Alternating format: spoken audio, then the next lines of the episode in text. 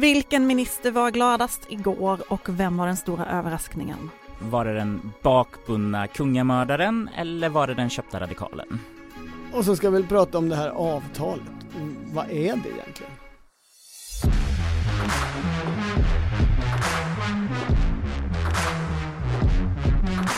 Det här är politiken med Maggie Strömberg och inte minst Torbjörn Nilsson. Och Henrik Torehammar.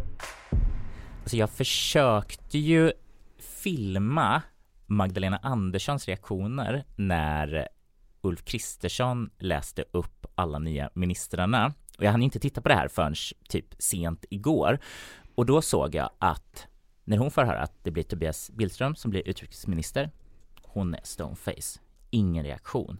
Att det är Johan Forsell som blir bistånds och utrikeshandelsminister. Ingen reaktion. När hon får höra att det är Paul Jonsson som blir försvarsminister, då blir det liksom ett litet någonting, ett ansiktsuttryck, det är filmat på väldigt långt håll, men ett litet ansiktsuttryck, någonting. Och sen så liksom blinkar hon mot eh, Micke Damberg. Sen lite senare så börjar hon skriva saker på sitt block och liksom skjuter över till Micke och Micke bara mm. mm, mm. Jag vet inte alls vad som står där och vad det här reagerade på, men det jag tänker på varför blev hon inte chockad över att Tobias Billström numera är Sveriges utrikesminister? Det blev ju de flesta andra får man säga. Det hade ju varit spekulationer eh, om Henrik Landerholm som också satt på läktaren bredvid Birgitta Edulf Kristerssons fru och Gunnar Strömmer som blev minister. Ja. Men eh, mm. Det hade ju varit spekulationer om Carl Bildt också. Mm. Och, och, att Carl Bildt gick ut sen och sa att han hade fått en fråga men tackat nej. Ah, men riktigt så sa han väl inte heller? Okej, Eller vad, alltså. låt oss reda ut det här, för det här, det, det, det första man tänker eh, är ju så här, de frågade Carl Bildt, han tackade nej, de bara shit, vi trodde 100% att han skulle tacka ja. Eh, Tobias, du får ta det här. Ja. Han och, sa det fördes ett resonemang, sa han i Studio 1. Och här finns det, det öppnar ju för, för många spekulationer eller teorier här. Alltså dels anses Carl Bildts utrikespolitiska profil vara up to date. Eh, Carl Bildt har ju under lång tid stått för handel ger frihet och så vidare. Gör saker med Ryssland och Kina. Det är en ny värld. Så det kan ju vara ett sätt som då talar för att man inte skulle välja att fråga honom, eh, möjligen för ett resonemang om någonting lite annat. Eh, har du något tips Karl? Hur tänker du Karl? Ta in, ja, hans åsikt, bolla lite. Det andra är ju det är väl framförallt Expressens ledarsida hittills som har, som har spekulerat i de termerna är ju i vilken grad har den här regeringsbildningen eh, och utnämningen av ministrar påverkats av den pågående NATO-processen och eh, hur mycket man ska irritera Turkiet eller inte. Till exempel finns ju inte liberalpartisterna Gulan Avci eller Fredrik Malm med, som har profilerat sig som föret företrädare eller talat för den kurdiska minoriteten. Jag blev också överraskad av Tobias Billström. Samtidigt om man tittar på ministersammansättningen så tycker jag inte att det är så jättekonstigt. Han är den av ministrarna som har åtta års erfarenhet. Det har ingen annan. Alltså det är ju en väldigt eh, oerfaren regering. Det är ju Billströms åtta år, Kristerssons fyra år och Svantessons ett år. Det är väl de enda tidigare ministrar som finns. Ingen av folkpartisterna eller kristdemokraterna har suttit i regering. Eh, det är en ganska ung regering. En jätteung regering. Ingen född på 50-talet, ingen född på 40-talet, Ulf Kristersson själv äldst och så finns det några som är jämnåriga med honom och sen stort gäng 70-80-talister. Men, eh, men Tobias Billström, eh, känd för att älska eh, ceremonier, mm eller hur? Och liksom där, protokoll, UD, alltså jag tror att han kommer trivas väldigt väl i UD-miljön. Han var ju otroligt, såg man på sociala medier, liksom känslomässigt investerad eh, eller engagerad när Ryssland anföll Ukraina nu. Alltså han, det, det har han ju varit väldigt mm varit väldigt engagerad i den konflikten. För annars ser man ju inte honom riktigt som en utrikesperson. Alltså eh, om man jämför med Ann Linde som kände varenda utrikesminister sedan tonåren och har varit i varenda land och engagerat sig i alla frågor, så, så ser man inte riktigt Tobias Billström. Nej men jag tror att han alltid har tänkt sig som en internationell person. Han hade ju, och har kanske fortfarande en samling hattar. Eh, som, som skrevs om i tidningen Fokus back in the days, Claes Lönegård, eh, när han porträtterade Billström så var han på Billströms tjänsterum och beskrev eh, hans hattsamling. Och hattarna var då, eh, sa, hattar han hade fått i utbyte vid olika internationella besök. Mm. Så den här hattsamlingen kan ju nu komma att bli enorm, tänker man. Det är ju också så att Tobias Billström har varit helt central för att få det här samarbetet med Sverigedemokraterna på plats. Han har ju varit en av de absolut viktigaste personerna i Moderaterna för det under flera år. Och man kan ju tänka sig att han lite har fått välja sin post som tack. Mm. Ja, eh, det skulle ju vara spännande om det var så, men man kan ju absolut tänka sig det. Att hans då eh, kommunikativa eh, färdigheter visavi Sverigedemokrater kanske inte behövs så mycket när det gäller utrikes och säkerhetspolitik för där var det ju väldigt tydligt att där vill regeringen göra upp med Socialdemokraterna. Men eh, det tror vi också att Billström kommer kunna leverera på. Ja, alltså göra upp med, det är ju i frågan om NATO väl framförallt, för annars är det ju, det han hade att säga var ju eh, feministisk utrikespolitik, bort med den, Eh, NATO är det stora projektet, vi ska eh, tänka på närområdet, alltså allt det här var ju saker Kristersson sa, så det är ju förhållningsregler för utrikesministern. Samarbeta i Norden och, och alltså runt Östersjön. En rätt intensiv vecka. En rätt intensiv vecka. En rätt intensiv vecka. Veckan, veckan, veckan, veckan, veckan.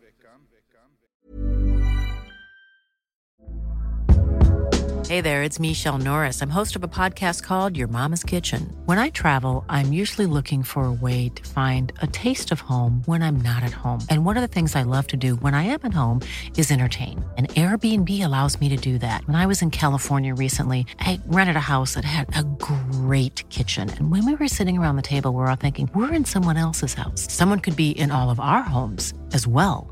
If you have a home, but you're not always at home, you have an Airbnb. Your home might be worth more than you think. Find out how much at airbnb.com slash host.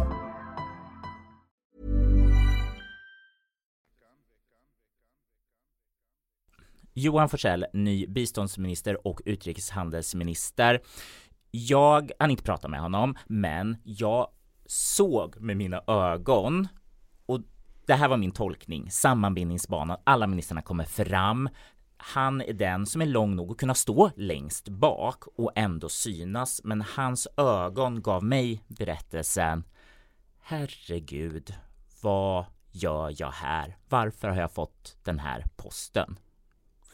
Du tänker att han skulle blivit polisminister eller justitieminister? Och att han hade förväntat sig det. Migration har han ju också jobbat med. Han sa ju i intervjun att jag är van vid att byta område så det kommer nog gå bra.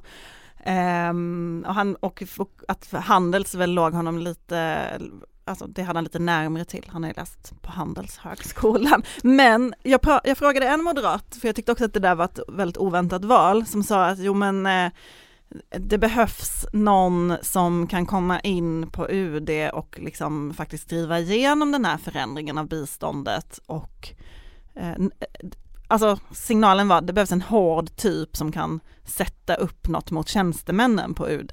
Jag vet inte om Johan Forsell är den typen riktigt, men så verkar de tycka. Okej, det finns ingenting av att det ibland spekuleras, skulle han kunna varit en utmanare till Kristersson om det hade liksom gått bara någon procent eller några mandat sämre för Moderaterna så att nu tänker ledningen, vet du vad, låt oss skicka honom utomlands mycket. Han ska inte vara han ska ut i världen. det här blir ju inte en lika visuell post och det är väl snarare, i den frågan så, så är det väl snarare så att det är synd om Aktuellt redaktionen tänker jag. Alltså för den justi- som är justitieminister i den här regeringen, med det uppdrag den har påtagit sig, den kommer ju vara mycket i medier. Och nu är det då Gunnar Strömmer, mest känd för att prata väldigt länge och ha svårt att liksom ta, ta sig ner till one-liners, liksom motsatsen till Johan Forsell så det blir kanske för känn, förlängda sändningstider. Eller så kommer hade- utrikeshandel bli liksom det nya heta nu, att de bara inser såhär, nej nu, nu får vi skita i migrationen och bara liksom prata Det gör sig frihandel." bra i tv. Ja. Forsell, eller förlåt, Strömmer, jag hade Strömmer med som person i eh, min dokumentär om regeringsbildningen och då klockade jag hans svar, eller det kunde man ju se när man skulle klippa och varenda svar han gav på varje fråga var minst sex minuter långt. Eh, det fick inte plats. Man kan säga att Gunnar Strömmer tyvärr klipptes bort helt och hållet. Men en annan rolig sak med Gunnar Strömmer, jag måste bara säga det, är ju att Sverige har ju då haft en justitieminister alldeles nyss som har gjort sig känd för sitt Twitterkonto, Morgan Johansson.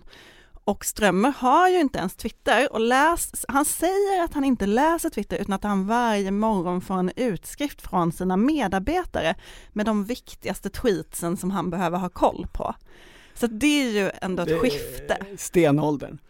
Men eh, då, vi, vi hastade ju förbi den delen i Billström, alltså Billström är ju en stor twittrare, framförallt på det viset att han är väldigt bra på att blocka människor. Så vi har en utrikesminister nu som, som, har, som har visat vilka han inte vill föra diplomatiska relationer med. Vi får väl se om han kommer twittra så mycket. Men på utmanarspåret är ju också Niklas Wykman en spännande person. Du menar den bakbundna kungamördaren? Den, den bredvid den köpta radikalen är eh, de två formuleringarna jag gärna eh, tar med mig, ni förstår vem jag pratar om? Och, och den, den som skulle vara köpt är Romina Pourmokhtari. Ja. Och du menar att de är med i den här regeringen av ungefär samma skäl? Jajamensan, det var detta jag försökte hävda i min text, att det spekulerades om att så här, åh falangisten Wikman, nu kan inte han hålla på att integrera för du vet finansmarknader, det kommer ta all hans hjärnkapacitet och eh, Romina Pourmokhtari, nu kan inte hon hålla på och, och vara liksom en tjusig princip fast för man kan ju inte skapa en regeringskris mot sin, den regering man sitter i, eller? Jag tror faktiskt inte att Romina hade skapat en regeringskris i vilket fall. Alltså hon är ju en sån som alltid argumenterat mycket för att följa partilinjen och så. så att, men och Wikman, alltså jag vet inte om din tolkning är rätt där, för nu har ju jag, utifrån, det här är bara min, eh, liksom, hur, min okulära besiktning Besiktning, av ja. regeringen, så har ju Elisabeth Svantesson nu alltså tagit sin viktigaste eh, person, eller vad man ska kalla honom, Mm. och eh, satt tillsammans med sig på sitt departement. Han, de två kommer jobba tillsammans där, de kommer bli, hon, hon alltså jag Ja. ser det snarare som att de kommer bygga upp en maktbas där på finansdepartementet. ihop. Sen om vi, om vi ska prata om det här med visualitet det, det beror ju lite på hur de, hur de fördelar arbetsuppgifterna där på det där finansdepartementet men alltså en finansmarknadsminister kommer ju ha vik, ovanligt viktig roll så som konjunkturläget ser ut framöver. Hur stabil är svensk fastighetsmarknad till exempel? Det som tidigare orsakat ekonomiska kriser och krascher. Det här är ju, kommer ju vara en tung uppgift under den här mandatperioden ser det ut som. Och då kanske han också kommer vara synlig på ett annat sätt än finansmarknadsministern har varit tidigare. Och Romina och Niklas delar också någonting, det var en tweet som jag inte förstod. Båda Labans föräldrar är ministrar. Vad handlar detta om? Eh, Det är ju en hund eh, som det finns några politiker som har delat vårdnad om. Eh, bland annat då Niklas Wykman och Romina Pourmokhtari. Så de har ju ge- gemen, gemensam connection även privat. Eh, gladast av ministrarna tyckte jag Camilla Waltersson Grönvall såg ut, moderaten som har eh, suttit i socialutskottet och varit talesperson i de frågorna och som nu blir eh, socialtjänstminister. Det är ju väldigt många ministrar på socialdepartementet. Eh, även, även Paulina Brandberg, liberalen, som ju inte lyckades kryssa sig in i riksdagen men som nu blev minister, hon skrev att hon har fått blåmärken av att ha nypt sig själv i armen så mycket hon blir jämställdhets och integrationsminister. Ju känd som en eh, eh, Twitter-åklagare eh, som har gjort sig, eh, ja men drivit rättspolitik. Alltså, och jag tycker ju om hennes Twitter-namn, för det är ju inte Paulina Brandberg utan det är ju Pau Brandberg. Och då tänker jag på Pau, som ju också var v- vilken Pau tänker du på?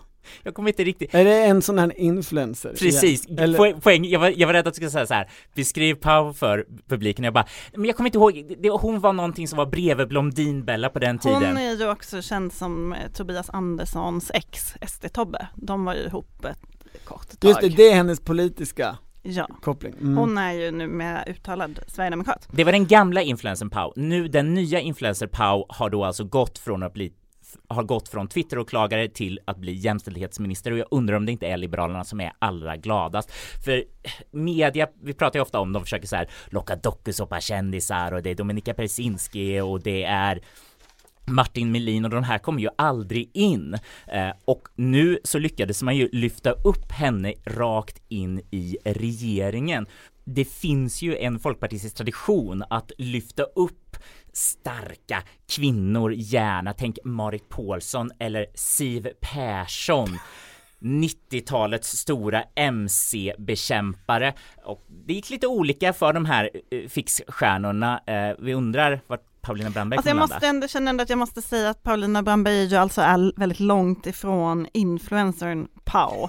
Alltså Ja. hon har ju då jobbat som åklagare på riksenheten mot internationell och organiserad brottslighet i Stockholm. Alltså det finns en, det finns en tyngd här, det är inte bara en, en eh, debattör. Vi går vidare Hon har inte varit ihop med Tobias Andersson heller. En, an, in, oklart, jag, inte vad jag känner till. Okej, Ehm, Lotta Edholm, spännan, annan spännande folkpartist i samlingen. ja hon blir ju skolminister.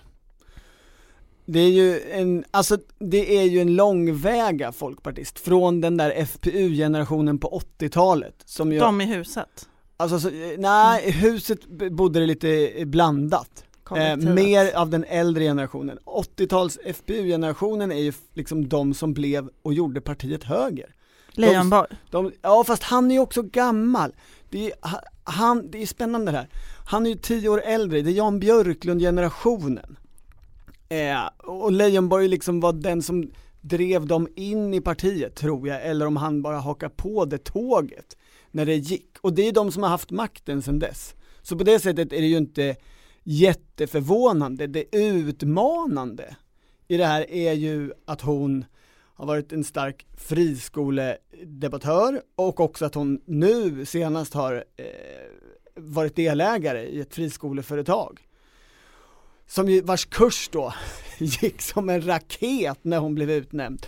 Eh, alltså, och det där har ju en djupare politisk Det är koppling. ju något som är ändå, alltså även om det kanske inte rörde sig om jättemycket pengar så är det ju något som är liksom svindlande med att, att man tjänar pengar på att man själv blir minister för att ens aktie stiger i värde. Ja och så finns det ju kritik om det, men vad så skulle hon ha sålt sina aktier när Johan Persson ringde och det inte var offentligt, det blir ju insiderproblematik då. Alltså att det säger något om skolan i Sverige av idag, att det ens uppstår sådana här situationer. Och det intressanta är ju att i Ulf Kristerssons regeringsförklaring så var ju liksom portalinledningen var ju vi ska åt, staten ska återta kontrollen. Alltså samma sak som Magdalena Andersson har sagt, fast om andra saker. Och i den här regeringsförklaringen och i regeringsbildningen, personerna, så finns ju ett tydligt budskap om vad är avgränsningen av vilken kontroll staten ska ha? Jo, alltså Moderaterna eh, har gått in med att staten ska ha kontroll över inre och yttre säkerhet och den måste tas tillbaka för den existerar inte. Tryggheten är den nya friheten. Ja, precis. Och sen har man ju accepterat, delvis i alla fall, eh, Kristdemokraternas syn på vad är statlig kontroll. Alltså att staten ska ta tillbaka kontrollen över sjukvården. Här ska det utredas om det, om det ska förstatligas. Men det var ju också någon mening om att familjen och civilsamhället ändå är, är grunden för allt. det Ja, ja, det fanns en sån- mening. Ja, en sån Hans Zetterberg-mening. Eh, men till skolan så kommer inte den statliga kontrollen åter. Där är det ju, vi försöker på andra sätt med andra medel lösa de problem som många ändå påpekar. Och för att vara extra tydliga med att staten inte ska ta tillbaka för mycket kontroll i skolan så utser vi alltså Lotta Edholm till skolminister. Så Friskolornas riksförbund och alla andra som har ekonomiska intressen i det här kan andas ut. Lotta Edholm har ju också varit eh, skolborgarråd i Stockholm och sen har hon suttit i styrelsen också för, hon äger inte bara det här företaget, hon har också suttit i Ja, styrelsen. Och hon har fått ak- aktier antar jag för att hon har suttit i styrelsen. Det där har vi inte rätt ut fullt, men det är en tydlig politisk signal. Hallå, nu tycker jag att vi gemensamt i denna sal sjunger We shall overcome. Hörni, eh, nu när vi fick en ny regering och massa ministrar så eh, såg jag på Twitter Claes Eklund, socialdemokraten, eh, ekonomen, han twittrade ut en bild som hans mer kända son, får man ju väl säga, Sigge Eklund hade ritat i 8-9 års åldern när 1982 års socialdemokratiska regering tillträdde. Ni ska få varsin utskrift av de här, det här konstverket. Det här är ju alltså små personporträtt av alla de 19 ministrar som ingick i den eh, regeringen som leddes av Olof Palme. Och den har ju den likheten 1982 års regering med den här regeringen att det är en återkomstregering. Sossarna hade ju varit i opposition länge, alldeles för länge tyckte de, precis som Moderaterna har varit i opposition nu alldeles för länge. Och eh, du, du, du gapar bara Henrik, så kan inte du beskriva eh, någon av de här politikerna och hur Sigge Eklund, eh, åtta år, har tolkat dem? Alltså detta är ju Alex och Sigge-Sigge, Ja precis. bara så vi liksom har det klart för oss. Ja. Alltså Fredriks brorsa Klas son. Jag tänker på honom som Klas son. Och eh, barnbarn till eh, pappan i eh, Saltkråkan. Ja, han har ett djupt kulturellt arv och Absolut. nu insåg man att han ska ju bli en satirtecknare för det finns ett ont troll med dregel och onda tänder eh, och långt hår och en stirrig blick. Det här är början till Olof Palme-hatet ser jag. Vi har en Anna-Greta Leijon som också ser lite Hon har mustasch. könsförvirrad tänkte jag säga ut, Mm. eller eh, transcendent eh, skulle vi nu kunna säga eh, på den fronten. Sen har vi sexbomben, stora plutiga läppar, Lena Hjelm Wallén. Och sen sitter någon på pottan, det är den där lille dumme Ingvar Carlsson.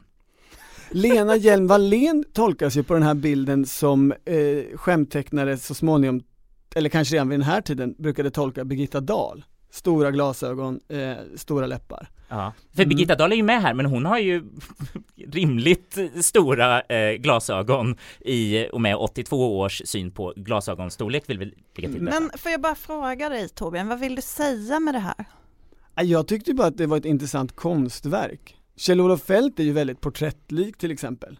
Jag tycker också att Palme, även om han är lite trollik och aggressiv, eh, Det är väldigt likt ändå. så är det ju ändå Ja, likt. Är absolut. han är skicklig. Hur gammal var Sigge Eklund när han gjorde det här? Ja, Det är olika uppgifter, enligt Wikipedia åtta år, enligt pappa Klas nio. Eh, det är vad Klas har skrivit i kanten här, för han har skrivit fint, eh, liksom upphovsrätt och sådär. Eh, jag vet inte om han har haft sin sons tillåtelse att lägga ut det här på sociala medier.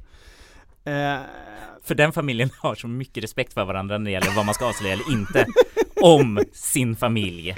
nej men, jag ville nog säga att det är något spännande, dels så finns det det här med ålder. Vi sa ju att eh, Kristerssons regering är extremt ung, vet du vem som var yngst? Vad jag har förstått i alla fall. Anna-Greta i Leijon. den här regeringen, det var Anna-Greta Leijon och hon var 43 år vid, vid det här Ja, det är väl tillfället. inte så ungt? Nej jag menar Nej. det, det, det sätter i relation att det, åldern har verkligen successivt krympt, sjunkit ner när den äldsta i, i Kristersson-regeringen väl är 58 då. Det är väl så gammal som Ulf Kristersson är. Mm. Eh, och sen tycker jag också det är ju spännande det här vad, vad tiderna säger om vilka departement som finns. I den här regeringen eh, så finns det då en industriminister, Thage G Pettersson, men det finns också en biträdande eh, industriminister, Roine Carlsson. Och det, det kan man ju, Fanns det en näringsminister då eller nej? nej det ligger Det är en höger idé med det näringsminister. ligger ju där så att säga, vi är väl mer av ett industriland, det är inte basically gone som Reinfeldt sa. Eh, Och framförallt så var det ju en tid där det skulle betalas mycket pengar till industrier som höll på att avvecklas eller hade svårt för strukturomvandling så det fanns ju mycket att göra. Ja, absolut, men det är ju inte det här som vi ser i Kristersson-regeringen, ett socialdepartement med fyra ministrar på. Eh, det- utan här har vi ju Sten Andersson, punkt. Han är socialminister. Vem kommer vara enklast för även en 8-9-åring att rita i dagens regering? Gunnar Strömmer. Och Johan Persson. Johan Persson tänkte jag säga 100%. Det är typ tre drag och sen har du fångat honom. We have had a very close uh, relation, both diplomatically, as I we speak nearly every week. intervention, a Swedish-Finnish common intervention. Intervention, a Swedish-Finnish common intervention. Jag har fortfarande inte blivit klok på det här Tidöavtalet. De här, Överenskommelse för Sverige. Exakt, de, de drygt 60 sidorna som är själva kärnan i den här regeringen. Alltså det har ju funnits, det här är det fjärde kontraktet i, i svensk politisk historia som jag kan komma på. Ja, om man räknar decemberöverenskommelsen. Men det tycker jag är lite konstigt. För först var ju eh, 121-punktsprogrammet 2002. Ja, Sen räknar statsvetarna decemberöverenskommelsen, men där fanns väl ingen sakpolitik? nej fast det är ju ett kontrakt som eh, stipulerar eh, vem ska få regera under förutsättning att man inte har majoritet. Mm. Och sen kom januariavtalet och så nu Tidöavtalet. Ja.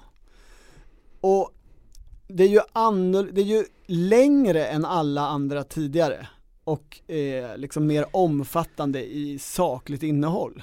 Jag har två siffror som jag inte har kollat. 190 förslag och 50 plus utredningar.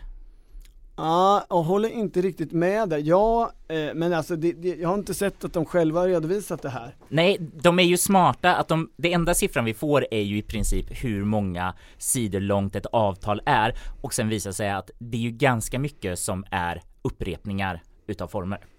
Ja, jag har fått det till 34 utredningar. Och sen så finns det, det- och det här är lite sjukt, tycker jag i alla fall, tre stycken ställen där man skriver att en utredning, eller att någonting bör utredas.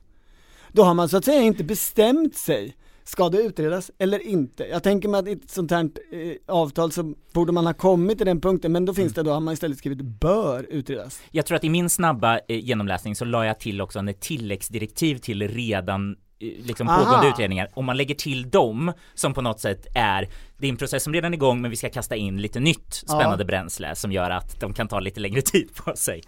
Ja, de fick jag bara till fem. Men eh, Det nåväl. är svårt med matte för oss Men journalister. om vi, om vi då backar i historien, för det här, den här typen, kontraktsparlamentarismen eller vad de kallar det, statsvetarna, det, den har ju sin, sin start eh, med Göran Persson. Precis, 2002 när ju V och MP dubbelförhandlade med den här mittenregeringen som skulle ledas av Lars Leijonborg, då slutade det ju med en eh, Svamp. Precis, det var ju vad, faktiskt, det kallades ju inte det från början utan den kallades ju för 121-punktsprogrammet. Kritiken mot det var ju att det var för lite som var tidsatt och lite för, det var ju ganska kort formulerat varje punkt men sen var det mycket som man då tyckte inte blev av. Alltså eller det som, som, behövde drivas. det som blev eh, Miljöpartiets och Vänsterpartiets uppgörelse med Göran Persson, Ja, inte, det sprack ju med Leijonborg. Precis, svamp eh, kallades det sen i Vänta, vänta, svamp, alltså det är SV A, MP, eller var kommer A ifrån? SV and MP, sa de själva. Ehm, men, eh, Men det där behöver du inte... Men jag får, får jag, kan, jag få, Tunt, va? kan jag få berätta vad svamp är nu? Ja. Snälla. Det är ju då, det, alltså, Något som växer i skogen. det fanns i, eh, man fick ju tjänstemän i regeringskansliet. Det var egentligen, det, det hade funnits tidigare när Centerpartiet samarbetade med Socialdemokraterna. Då var det inte, då var det bara två tror jag, det var inte så organiserat. Nu skulle man då ha tjänstemän i regeringskansliet igen, det var ett krav för att man, Miljöpartiet ville ju egentligen sitta i regering, men Göran Persson släppte inte in dem. Eh, och efter ett tag bildades då det som kallades för SVAMP, som var grupper egentligen kopplade till budgetförhandlingen med en person från varje parti. Och man förstår ju när man pratar med de som har förhandlat Tidöavtalet att man har studerat det här väldigt noga, hur det gick till 2002 och också eh, läst boken Rödgrön reda av Lennart Olsen, miljöpartisten, som skrev en bok om hur det här gick till. Vilken Ehm, vacker twist. Ja, men och det som var i, i 2002-samarbetet så ändrades ju saker lite efterhand, alltså man hade inte gjort en så på förhand detaljerad överenskommelse om hur det skulle funka. Så att det är ju skillnaden mot Tidöavtalet också. Det är ju någonting de har lärt sig av den processen, att det blev ganska krångligt när man då från början hade lite tjänstemän på Finansdepartementet, sen kom det in några på olika andra departement, men man hade ju inget samordningskansli av det, den typen Mm. som finns idag. Det ju, var ju något som byggdes upp på allianstiden och som sen S och MP kopierade och som nu kommer finnas igen. En annan rolig sak i den här boken, eh, som Lennart Olsen beskriver, det är att det inte heller bestämt hur man får använda regeringskansliets tjänstemän för att utreda sakpolitik. Eh, utan det, alltså det är lite olika från departement till departement beroende på vad statssekreteraren gillar. Och han som då var på finansdepartementet upplevde först en ganska stor frihet i att använda regeringskansliets opolitiska tjänstemän. Men när Magdalena Andersson blev statssekreterare så tyckte hon inte om det. Alltså hon som var statsminister alldeles nyss. Ja, ja. Det här var på Per Nuders tid. Eh, utan hon ville att man alltid skulle fråga henne först innan man gick till tjänstemännen. Hon var dock väldigt snabb på att svara på mejl, skriver Lennart Olsen. Intressant att de tittar på svampen, för annars så känns ju Tidöavtalet väldigt inspirerat av hur Alliansen arbetade eh, det här med samarbetsgrupper som kallas det nu samarbetsgrupper i Tidöavtalet eller var det projekt? Nej, Tidöavtalet är ju upplagt så att det finns sex projekt. Då var Plus, det, plus det övriga. Alltså det, det deppiga Ja. med det re- rent språkligt är att det låter som liksom ett, ett, ett, ett grupparbete i högstadiet. Ni ska ha ett projekt om eh, skalbaggar samtidigt som det då skulle kunna vara ett svar på kritiken att så här, det här är ju sättet att göra det här långsiktigt om man tänker så här alliansen, det var liksom, det var ju en värderingsmässig enighet som foton och vi har, behöver inte beskriva badtunnan, ja, vi säger badtunnan igen som de aldrig badade i. Men den, den vägen, och då tänker man så här, då har de gjort det här väldigt snabbt om man ska liksom kunna bygga en samhörighet mellan de här fyra disparata partierna som ska kunna utveckla saker eh, i de här projekt, Projektform. i projektgrupperna med en ansvarig duktig tjeja som ska skriva ner allting. Samtidigt undrar man ju den stora frågan, Känner det här någonting till? För vi vet ju, mandatperioder kan ju innebära vad som helst. Jag försökte fråga, var finns alien-paragrafen? När utomjordingar kommer och invaderar och man säger så här, jag, jag vet inte om den här utredningen längre aktuell för det är utomjordingar. Eh, ska de få asyl? Eller du vet liksom så här att Ja. mycket så här, finns det Det fanns ju en sån kritik mot januariavtalet och Ja. det, det finns det ju mot alla sådana här samarbeten egentligen att sen, man, man kan skriva hur mycket man vill i ett kontrakt, sen kommer verkligheten och det kan hända vad som helst. Ingen såg pandemin framför sig till exempel. Men här, fin- dels så finns det ju här en skrivning om att projekten är för det första året, vilket är lite udda eftersom i tid sträcker de ju sig ändå längre. Ja. Mycket kommer ju ta mycket längre tid än ett år. Och sen så står det att man kan då, det kan tillkomma nya projekt på nya områden efterhand. Det ska man bestämma efter varje budget. Och alltså det, det här är ju, jämfört då med alla tidigare så är det framförallt det här ett extremt pladdrigt dokument. Eh, jag, jag, jag har ju svårt att fatta mig kort ofta, men det här är ju så mycket ord eh, och ganska lite skarpt innehåll om man tittar nära. Alltså, det övergripande eh, invändningen språkligt är ju att det är helt olika språk i olika projekt. De har ju inte haft en huvudsekreterare för det här. Eh, Det är Är det bara... deskriptivt eller normativt? Nej, det- Är det är eller bör? Nej, nej det, det har jag ingen åsikt om egentligen. Jag konstaterar och har också pratat med dem om att det är olika människor som har skrivit olika saker. Ingen har liksom gått igenom alltihopa. Det gör ju att språket är väldigt olika i de olika delarna. Och när det kommer ner till det som är betydelsefullt, alltså att-satserna. Att-satserna är ju i politiken, vad i helvete ska exakt göras faktiskt, inte bara fina ord och eh, målinriktningar och sådär. så är ju de extremt olika beskrivna. Det, det fanns ju då, eh, du hade räknat till 50 Henrik, jag, jag får det till 34 utredningar och bara det att vi räknar olika säger något om det här dokumentets inneboende problem lite. Eh, jag hittade då tre stycken saker som bör utredas, fem där det ska göras tilläggsdirektiv till sossarnas olika utredningar. Antalet översyn, där verbet är eh, vi ska göra en översyn av X. Eh, Jag orkar inte räkna dem för det är ju fullt av sådana och vad betyder Jag ska bara berätta för dig Torbjörn, förlåt. Ja, bara en parentes att om, om man inte alltid läser allt på papper utan har det i sin dator så kan man göra en sån eh, kontroll F och så kan man skriva in översyn så får man en siffra. Skulle du kunna eh, Jag, jag gör det nu. Nej, Jag, men skulle du kunna ge mig varje morgon en sån utskrift från Twitter av det viktiga som jag behöver se på Twitter? Skulle effektivisera mitt liv otroligt mycket. Okej, jag fortsätter. Eh, ett arbete 29 översyn. 29 översyn. Det måste varit fler alltså. Det, det kan inte stämma. Jag litar inte på Okej, det var 29.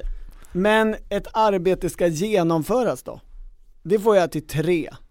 Och det, alltså, jag undrar, förstår ni, de kommer in med det här dokumentet till ganska stuprörsfyrkantiga tjänstemän i regeringskansliet och så får de opolitiska tjänstemännen det här i handen och så står det ett arbete ska genomföras.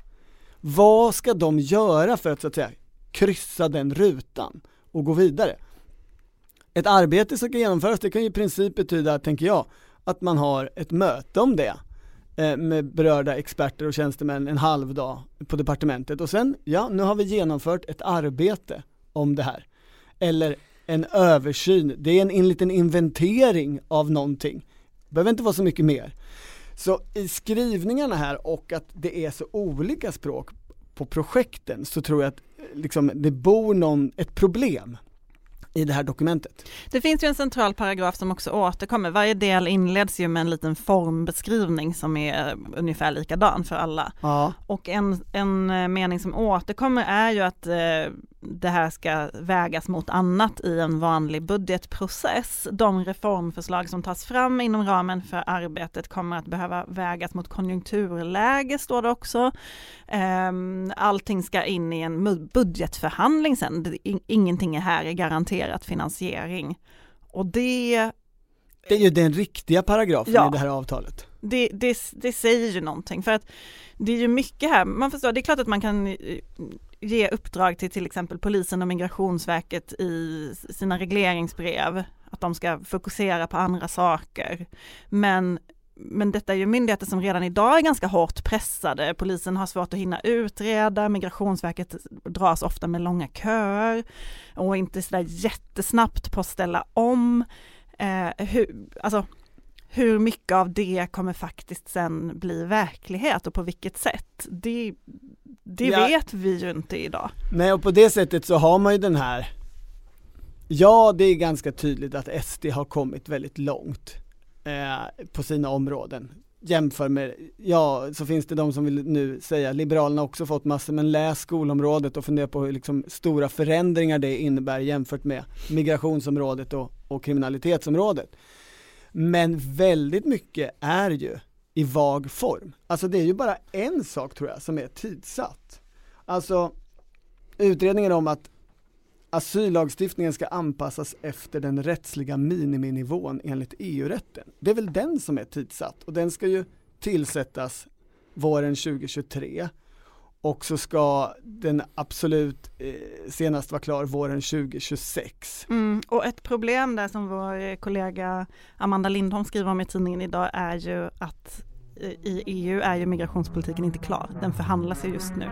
Man får inte svära i tv, eh, men eh, det är pyramidalt klumpigt. Pyramidalt klumpigt. Pyramidalt klumpigt.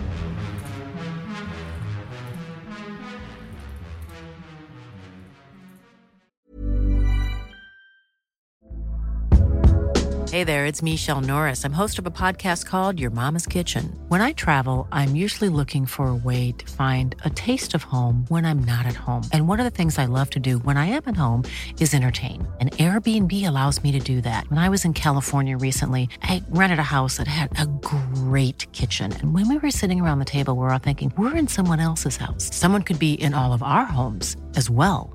If you have a home, but you're not always at home, you have an Airbnb.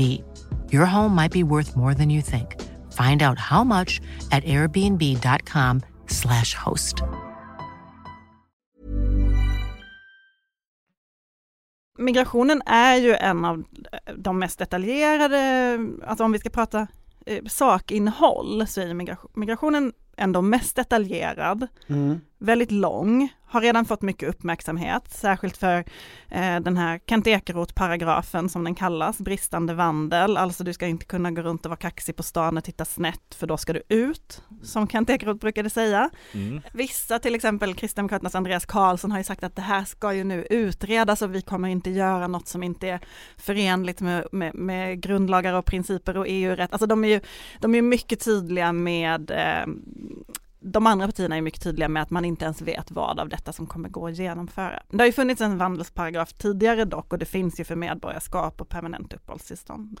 Ja men och det är då när man läser det här tredje gången och börjar fundera på vad är det Sverigedemokraterna har vunnit? Då tänker jag att det är eh, liksom regeringskansliets utredningskompetens. Ja, För fast det- väldigt många av deras saker kommer leda till att de får saker utredda. Mm, fast Kanske kvot- inte genomförda. Fast kvotflyktingar till exempel som ska minskas till 900, 900 som idag ligger på mellan 5 och 6 tusen. Det är ju en stor förändring och det har ju varit en strid mellan de här partierna tidigare. SD och Moderaterna har ju velat ha noll men eh, 900 det är ju en stor förändring. Ehm, Så om man tänker 0 till 900, det går inte ens procentuellt att beräkna hur stor Liberalernas och KDs vinst var där, för det är liksom, det är omöjlig matematik. jag är jättebra på matte, jag vill bara, jag vill bara ta Men avstånd kan vi inte, från den här. om någonting Men- ökar från 0 till 900, är, kan man ens säga i procentuellt ökning? I alla fall så vill jag säga en helt annan sak. Ehm, det, det finns ju också en punkt här som är att eh, man vill ju också, alltså som även förra regeringen ville, effektivisera, alltså att män, människor som inte har rätt att befinna sig i landet ska inte heller göra det. De ska hittas och de ska skickas ut. Det, det, där finns det ju flera olika förslag, bland annat att ehm, myndigheter och kommuner ska vara skyldiga att rapportera om man kommer i kontakt med sådana här människor och sen ska man utreda undantag som man kan då kanske tänka sig i sjukvården och skolan har Moderaterna tidigare velat ha. Men det är ju ett, ändå ett stort skifte Mm. eh, och det, alltså, man ska inte heller förminska, tycker jag, innebörden här. Det kommer ske stora förändringar både i rätts och migrationspolitiken. Ja, och en hel del av de där utredningarna kan ju också bli verklighet. Jag ville bara, alltså diskussionen kring januariavtalet när den slöts var ju väldigt så här, hur mycket kommer Socialdemokraterna gömma undan i stora utredningar som bara pågår och pågår? Och det löste ju Centerpartiet genom att tidsätta. Och det har ju inte Sverigedemokraterna kommit lika långt med. Eftersom Ebba sa ju, vi är ju inte socialdemokrater.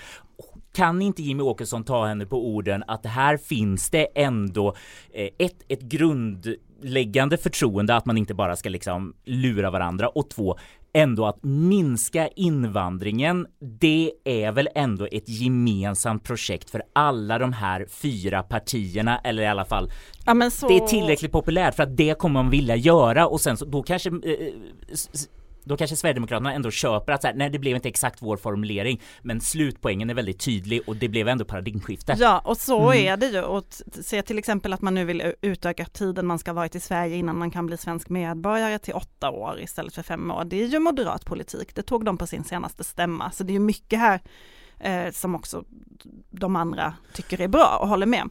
Det är ju ändå så att väldigt mycket av migrationspolitiken också handlar om signalpolitik. Alltså vad, man pratar ju om pullfaktorer som en anledning, alltså skälen till att människor söker sig till ett land och om regeringen då sänder signaler om eh, kvalificering till välfärden, bidragstak, eh, du ska få rättigheter på minsta möjliga nivå, så det spelar ju också roll.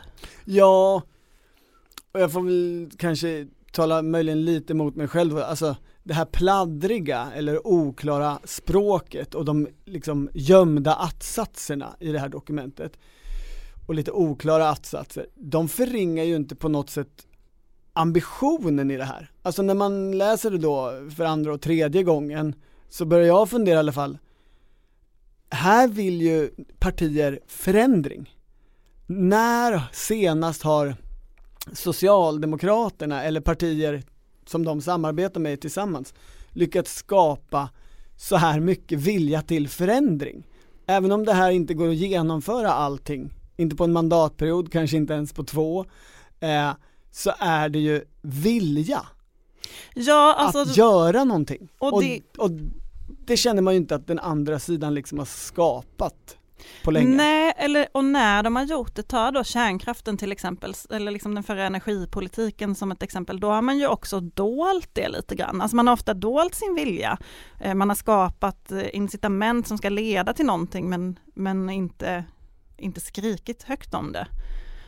Um, sen klart det händer ju jättemycket på miljöområdet och klimatklivet och alla de där grejerna men det har man inte heller riktigt lyckats eh, här har man ju verkligen, som du säger, sänt ett tydligt budskap. Ja, man, man visualiserar sin vilja. Jag tycker det finns en annan aspekt med migrationspolitiken som, som du också har pratat om lite här, eh, som är vad kommer det här få för effekter i Sverige? Jag pratar med en del ja, men, eh, kompisar eh, vars barn ser utländska ut, eh, som tycker att eh, man, man, är rädd för vad kommer det här leda till i samhället? Vad kommer det liksom även om de, deras barn inte riskerar att eh, behöva lämna landet på något sätt så, så är man orolig över att det här skapar ett, ett hårdare klimat för dem.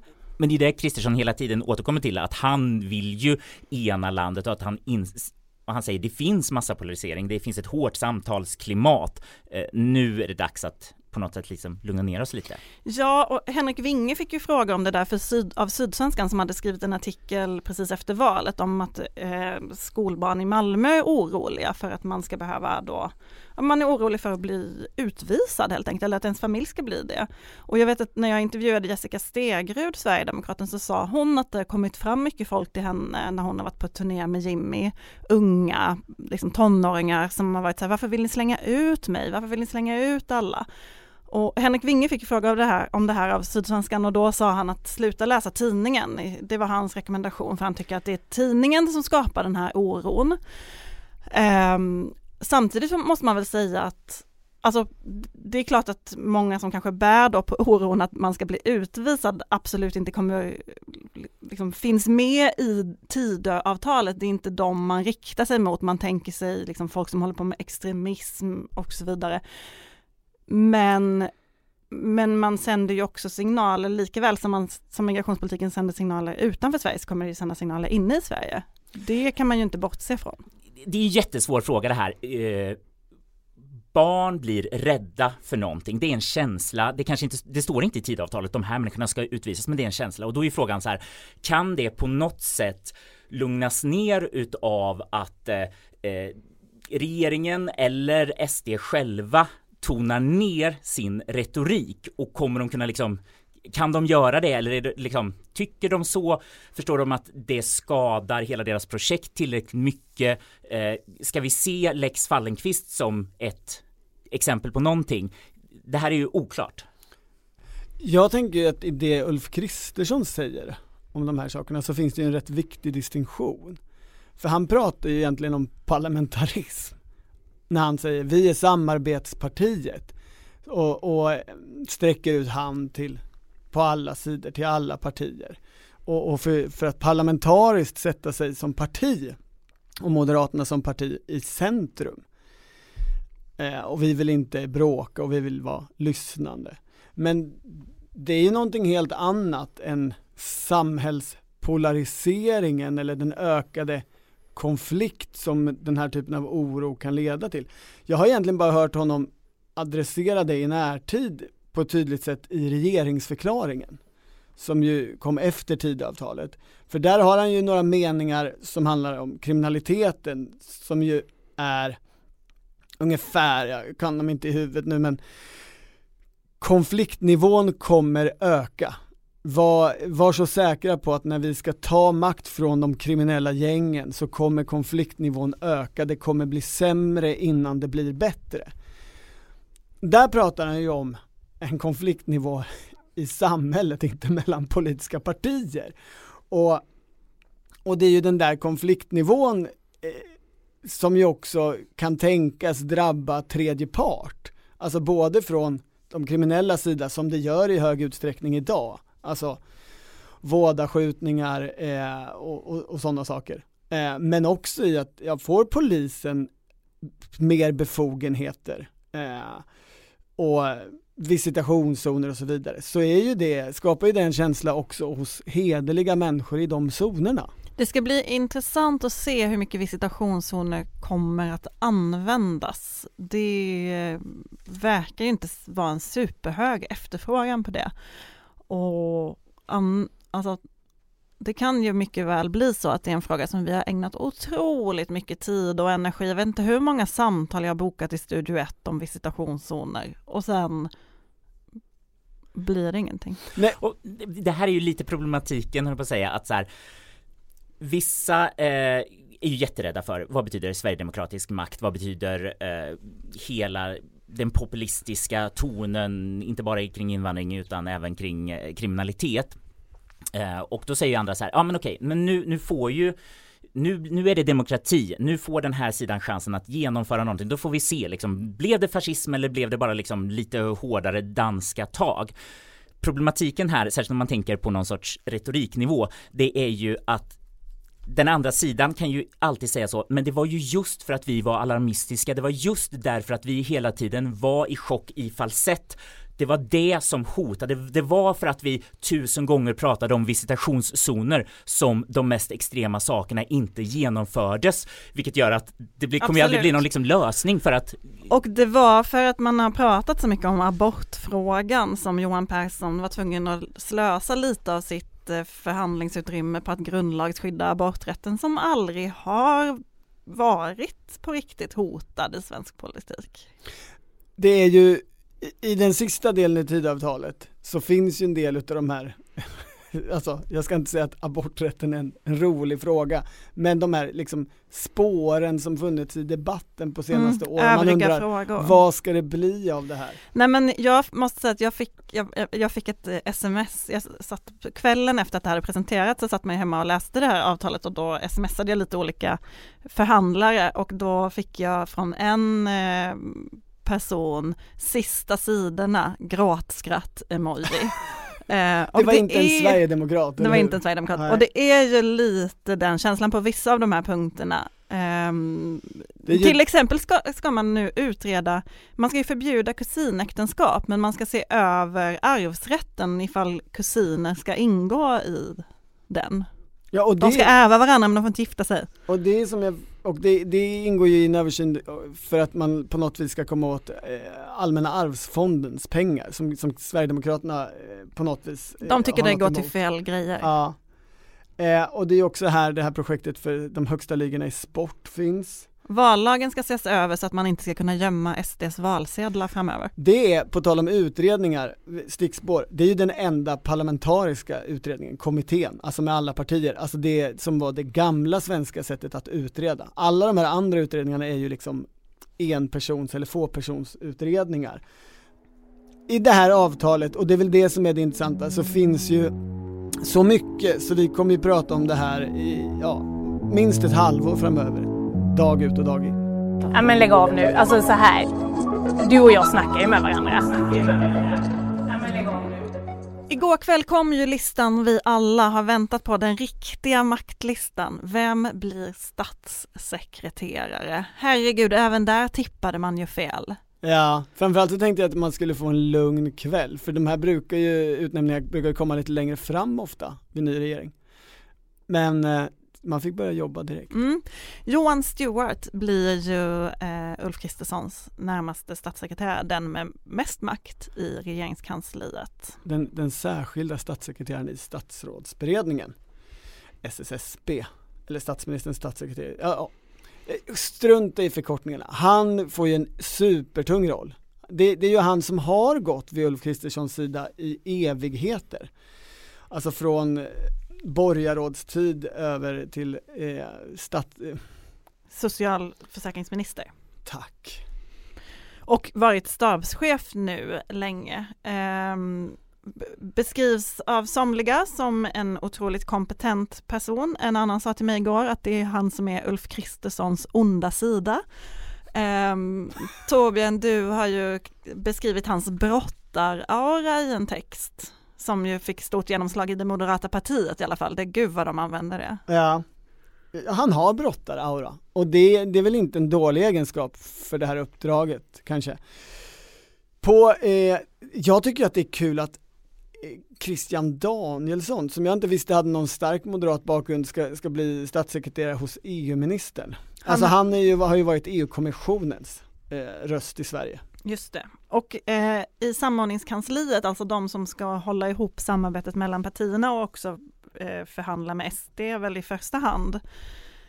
Även om det också kommer vara på respektive departement. Där sitter ju Per Clareus, Pelle, känd som. Han som har gjort allt i Moderaterna de senaste åren. Eh, Tobias Karlström, Ebba Buschs eh, stabschef. Också ganska tippat namn. Och sen kommer Johan Britz tillbaka. Li- Liberalen, eller folkpartisten. Som har haft den. Henrik, du, nu ser du bara ut som att du Jag vad håller ni på med?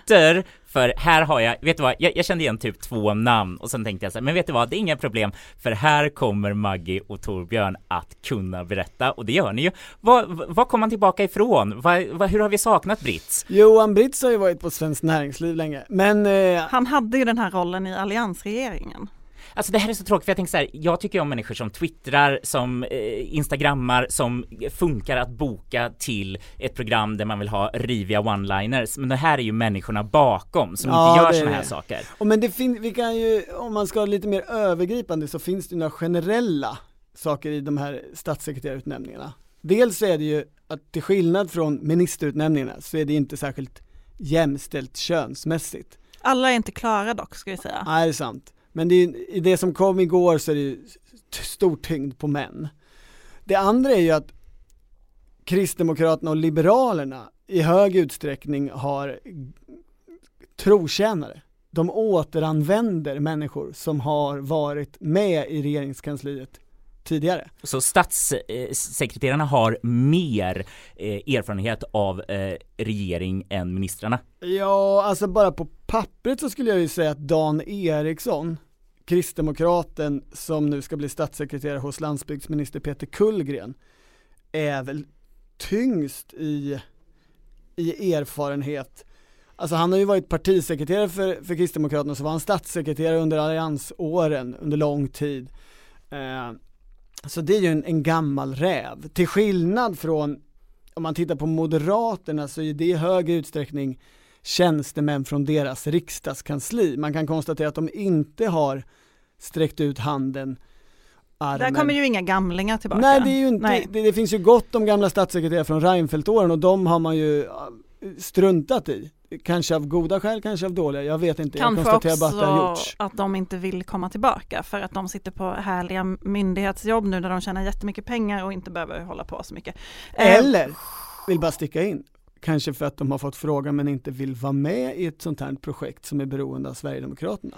Gunnar Strömmers statssekreterare Charlotte Kugelberg, eh, hon har ju haft också många alltså, opolitiska roller Mm. som rättschef och liknande eller på olika rättschefskanslier i alla fall. Jag har frågat några och jag har inte fått någon som har sagt att hon ska ha någon dokumenterad partibakgrund alls. Så henne får vi nog betrakta som opolitisk. Hon är ju, eh, jag såg henne på en bild ihop med Per Clareus när de höll på med någon juridisk tidskrift. Det är de här juristerna som har en väldigt stark juristidentitet. En som och en är- stark roll i den här Ah, regeringen. Gud vad det är svårt att få hålla men För jag säg- säger ingenting Nej, jag ju! Så att det, det är bara kampen mot Ändå. Torbjörn du har Men nu. nu, jag vill ändå säga att jag tycker ett kul namn. Karin Svanborg Sjövall, som ju har jobbat i Kristerssons stab ett tag. Hon är, blir statssekreterare åt kulturminister Parisa Liljestrand. Hon är ju före detta Timbro-VD. Och vi minns ju hur det var sist en Timbro-VD klev in på kulturdepartementet. Då var det ju Cecilia Stegö Kilå. Det sågs ju som otroligt provocerande att hon bara kom från Timbro. Ja, och det kan ju ha ändrats över tid. Synen på Timbro har ju ändrats. Men här finns det ju också en poäng möjligen att göra att det har liksom kulturredaktionerna fortfarande inte upptäckt kanske än att Timbro eh, är på kulturdepartementet. Timbro och en moderat som typ inte har tagit del av kultur tidigare. Wow. Okej, det Alltså borgerliga, nu pratar jag om själva ministern. det borgerliga infrastrukturen, tänkeriet, eh, de olika organisationerna, har de fått liksom bra eh, betalning här? Eller är, är det en, en för detta Timbro-boss som vi har? Nej, vi har ju människor som har jobbat på klassiska intresseorganisationer med borgerlig prägel. Daniel Liljeberg som ju är, ska vara statssekreterare hos Ebba Busch har, har ju en bakgrund på Villaägarna till exempel. Eh, Men du har ju, det finns ju en Kreab-konsult, alltså eh, Sofia Metelius som ju ska vara statssekreterare åt, åt Johan Persson, hon kommer direkt från Kreab. Och det är ju ändå hjärtat i sfären, eh, den moderata, liksom blodomloppet dunkar ju hårdast från Kreab. Sen har ju hon, mm, kanske mer relevant för hennes del är ju att hon var på samordningen under januariavtalet. Så hon är ju den, tror jag, bland de här som senast var inne på regeringskansliet. Alltså färskast erfarenhet, för hon var Liberalernas tjänsteman mot sossarna då. Två andra riktigt tunga eh, statssekreterare, det är ju ändå lite skillnad på dem. Den ena är ju Jesper Ahlgren som blir budgetstatssekreterare. Han har ju varit chefekonom på Moderaterna och eh, ja, men budgetförhandlat då med de andra partierna i opposition. Mm. Eh, skrev igår på Twitter att det här har varit hans drömjobb i 15 år. Eh, och, eh, jag- Gulligt ändå. Ja men jag vet inte, det, blir, det är ju gulligt. Jag gick förbi honom i veckan och sa att eh, jag hade hört att Jörgen Eklund skulle bli budgetstatssekreterare som ju var stabschef på Anders Borgs tid och då så sa han att "Mm, ja han var ju en bra chef. Men, eh, men jag tror att han blev väldigt glad att det blev han. Och sen är det ju förstås kabinettssekreteraren Jan Knutsson. Ja. Ganska okänd för de flesta tror jag. Ja, för mig med. Jag, jag har bara kommit så långt som att han har varit diplomat i, i Schweiz. Eh, men eh, kanske är det så att det där är en UD-räv eh, som så att säga ska hjälpa upp allmänpolitiken Billström för det är ju en klurig värld, inte då bara ett hus, utan en klurig värld att gå in i det där UD-departementet. Det finns många som anser sig veta mer och vill vara chefer mer finns än ju högsta mycket- chefen. Det finns ju mycket makt på olika enhetschefer och sådär. Det är ju som du säger, man måste lära sig navigera i det där huset. Men vad händer med Tidöavtalets moder, Kristerssons kvinna, hans eh, bredvid det här brottarmonstret, eh, den goda ängeln? Mm, Anna Pettersson Westerberg, APV kallad. Eh, lite förvånande faktiskt tycker jag. Jag trodde att hon skulle bli antingen statssekreterare hos Ulf Kristersson eller på samordningskansliet. Nu går hon till socialförsäkringsminister Anna Tenje. Eh, det är den roll hon hade förr, APV. Hon var ju Kristerssons statssekreterare när han var socialförsäkringsminister. Hon sägs ju brinna för pensionsgruppen som ju enligt regeringsförklaringen ska göras om så att eh, alla partier inkluderas. Eh, så att hon kommer säkert ha ganska mycket att göra. Det kommer ju vara en viktig post, mycket eh, konfrontation där mellan Moderaterna och SD till exempel. Alla moderater jag har pratat med hittills, det är inte jättemånga om just den här saken, eh, har ju varit övertygade eller sett det här, tolkat det här som en, en diss av APV. Hon får bara vara statssekreterare på social. Och då har jag försökt lägga fram, jo men hon kanske vill tillbaka till sina frågor, hon kanske vill ha ett lugnare liv än vad det innebär att vara statssekreterare på statsrådsberedningen. Och alla bara fnyst när jag föreslagit de här, vad jag tycker, potentiellt rimliga förklaringarna. För det är väl ändå en av Moderaternas stora huvudfrågor, nämligen den stora bidragsreformen, bidragstaket. Ja, och här finns ju också att vara vakt mot Sverigedemokraternas eh, socialförsäkringspolitik. Där är ju, jag skulle inte säga att man kommer hela vägen i Tidöavtalet, riktigt. Den är ju väldigt luddigt formulerad den delen. Det kommer ju vara en fråga som, alltså i takt med att man behöver finansiera saker så kommer ju eh, socialpolitiken bli viktig. Det ska ju också tas en ny LSS-lagstiftning framåt och Eh, där finns det ju, har jag redan sett Expressens ledarsida varna för att det här kan bli, det kan bli dyrt. Ah, Anna Dahlberg är pålitlig varnare för, för transfereringssystemens storlek. Det där är väl själva saken som hela den här veckan egentligen har illustrerat. Det här är fyra partier som vill väldigt mycket men det är också fyra partier som vill saker som kostar jätte, jättemycket. Och vad av det har, kommer man anse sig ha råd eller kunna genomföra i, i konjunkturläge? Det är ju det som kvarstår. Eller?